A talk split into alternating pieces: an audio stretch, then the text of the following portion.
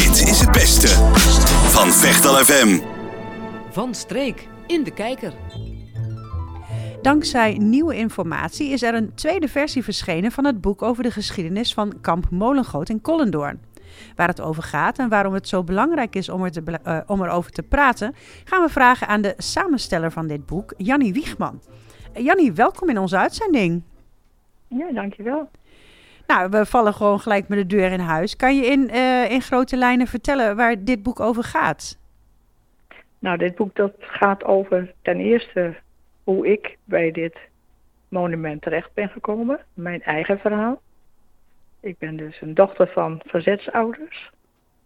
En ben op een bijzondere manier daarbij terechtgekomen en houd dit jaar voor de 24ste keer de herdenking bij het monument.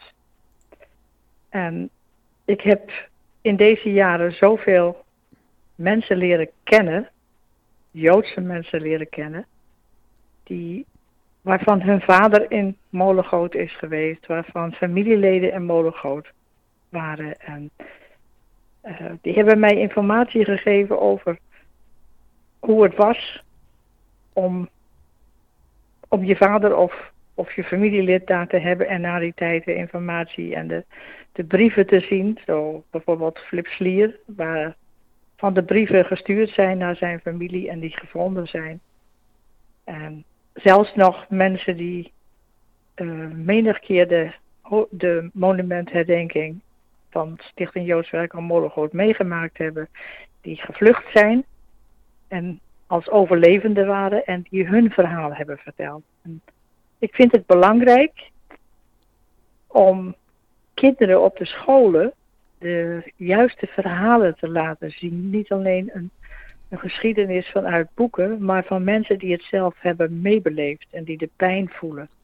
Ja, en wa waarom, ze... waar, waarom vind je dat zo belangrijk? Dat, dat de kinderen de, de echte verhalen, uh, niet, niet een, nou, een, een samenvatting zeg maar leren, maar gewoon echt de echte verhalen? Omdat er heel vaak, en vooral in deze tijd, de holocaust zelfs ontkend wordt. Ook ja. in geschiedenisboeken. En ik vind het belangrijk dat kinderen de waarheid horen, wat er werkelijk gebeurd is. En dat, kun, dat kunnen eigenlijk de familieleden het beste vertellen, hoe het voelt. Toen ja. dat de vader daar is geweest, maar ook hoe het nu is om daarmee verder te moeten leven. Ja, want er zijn natuurlijk op dit moment, uh, er zijn nog wel mensen die daar geweest zijn.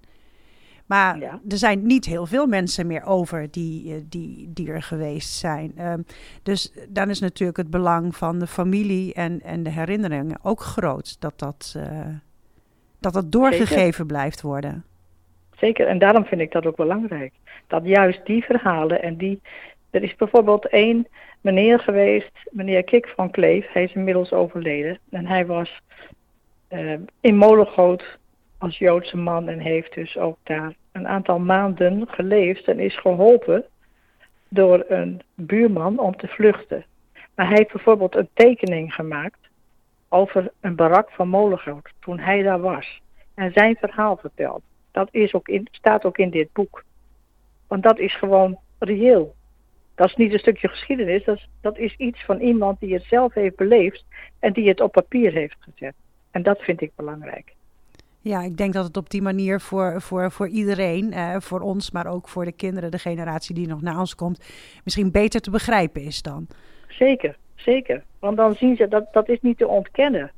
Dat is iemand die ook op de herdenking was en die, die zijn verhaal heeft geschreven. Ik heb ook bijvoorbeeld kinderen gedichten laten maken, gevraagd om, om hun beleving bij Molengoot, bij de, bij de Holocaust op papier te zetten. Ook dat staat in het boek.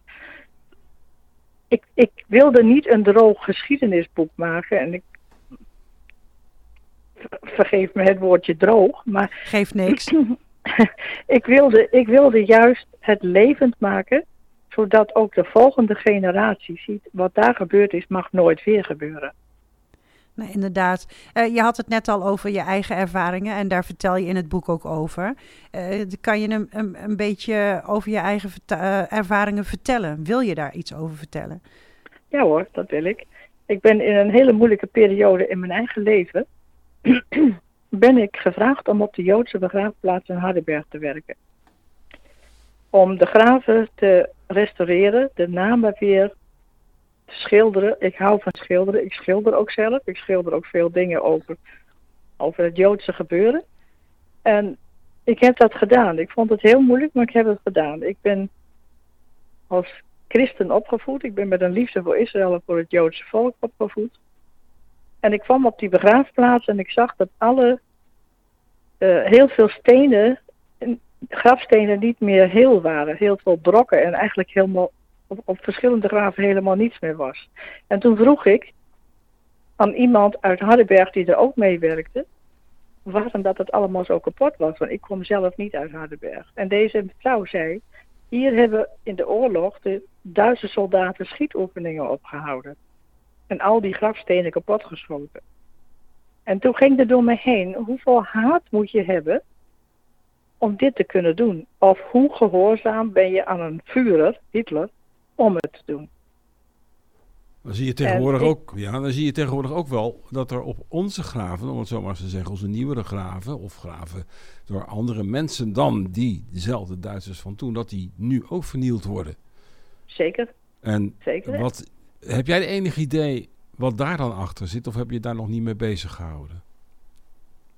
Nou, ik weet gewoon op de Joodse graven dat het antisemitisme is. Wat het op andere graven, wat daarmee te maken heeft, weet ik niet. Kan ik me helemaal niets bij voorstellen dat je zoiets kan doen.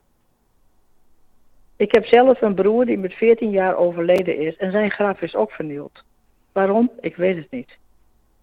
Kan ik, je geen, kan ik geen antwoord op geven. Ik weet wel dat als het op Joodse begraafplaatsen gebeurt, dan is het haat en antisemitisme. Ja, ik vind het zo onwerkelijk dat dat gewoon eh, blijkbaar nog bestaat in, in, in dit tijdperk. Ik, ja. Nou, ik, ik, ik, snap, ik snap het zelf niet dat je zoiets kunt doen, maar ja. Nou ja, er gebeuren hele gekke dingen. Ja, Als je kijkt naar bij zo. ons in, Kijk, in de politiek, kan- hoor je ik- ook ik hele kan- gekke dingen. Ja.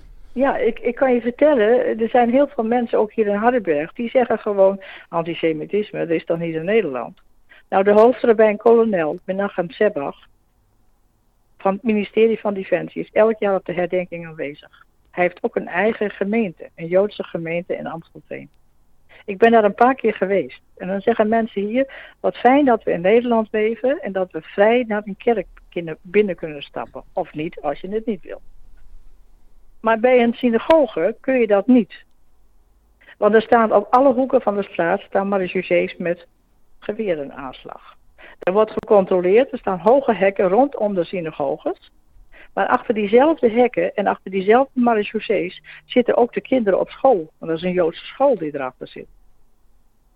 En dan zeggen mensen antisemitisme in Nederland. Waarom is tien jaar geleden de rabbijn, opperrabbijn van Nederland, rabbijn Jacobs, al gezegd door de overheid: u moet niet meer met openbaar vervoer reizen, want wij kunnen uw veiligheid niet waarborgen. Dat gebeurt vandaag in Nederland. Als je vandaag kijkt naar Duitsland, word je daar niet bang van? Van die FDV, FDP? Eh, eh, tuurlijk, dat is, dat is verschrikkelijk wat er gebeurt. Dat is vreselijk wat daar Want je, gebeurt. je, je wil dit verhaal verteld hebben en terecht. Eh, Omdat het niet... omdat het niet, niet verloren opnieuw mag, moet of niet gebeuren. opnieuw moet gebeuren. En Nee, Juist. ik ben al een beetje ouder en ik denk ook van, jeetje, wat, dat, dat had je nooit gedacht dat dat weer eh, de kop op zou steken. Ik zie het trouwens in Nederland Ja. ook gebeuren, eerlijk gezegd. Het is nooit weg geweest. Het is nooit weg geweest. Antisemitisme bestaat al eeuwen en het is nooit weg geweest. Zoals racisme Waarom? in wezen ook, denk ik. Jazeker, Ja. ja. zeker. Maar waarom? Eh, je ziet het vandaag, zie je het. Ik heb vandaag het gerechtshofverhaal gehoord over de aantijging van Zuid-Afrika naar Israël toe. Over genocide. Wat hoor ik op de straat schreeuwen? Dan denk ik dat is oproepen tot haat en genocide. De Joodse mensen op dit moment durven hun keppel niet te dragen in Nederland. Omdat ze gehaat worden. Ja, ik neem wel aan dat je niet eh, dit betwist. Dat dat kan bij het, bij het gerechtshof. Want de uitspraak is er nog helemaal niet natuurlijk. Nee, ik betwist het niet. Ik betwist het niet. Het moet gewoon Maar kunnen. dat moet kunnen, dat vind ik ook. Dat moet gewoon kunnen. Maar het moet niet kunnen dat Joodse mensen in Nederland nu of waar ter bedreigd wereld ook. worden. Ja. of waar ter wereld ook, bedreigd worden om wat er elders gebeurt. Ja. Maar dat gebeurt nu in Nederland. En het antisemitisme is nooit weg geweest. En daarom vind ik het belangrijk dat er herdenkingen blijven om deze mannen die daar geweest zijn nooit te vergeten. Om nooit te vergeten wat daar gebeurd is. En dat is ook mijn intentie van mijn boek. Om, om het door te geven. Om het ook aan de scholen te laten zien. Want ik hoop dat ik alle scholen in Hardenberg een boek kan, kan geven. Als het, ja, als het een beetje gepromoot wordt, dat het ook kan financieel. Want Molengoot moet elk jaar een herdenking houden en is afhankelijk van donaties. Ja. Dus, dan kunnen we hierbij oproepen om, om te gaan steunen. En hoe kunnen mensen dat doen? Ja, en, en waar, waar kan het boek gehaald worden? Het kan bij mij besteld worden, maar kan ook bij Heijing besteld worden. Boekhandel Heijing, dat is de uitgever van het boek. En de opbrengst gaat niet naar mij, ik verdien er niets aan. De opbrengst gaat naar Stichting Joods Werkhout Molengoot om de herdenkingen te kunnen realiseren in de toekomst. Nou, dus ik hoop dat, uh, dat we nu door dit verhaal wat, uh, wat je verteld hebt en het boek wat je gemaakt hebt, dat, uh, nou ja, dat de mensen daarover na gaan denken en gaan denken van hé, hey, ja. hier, moet, hier moeten we iets mee. Ik ga dit boek halen. ik ja. zou zeggen, luisteraars, doe dat.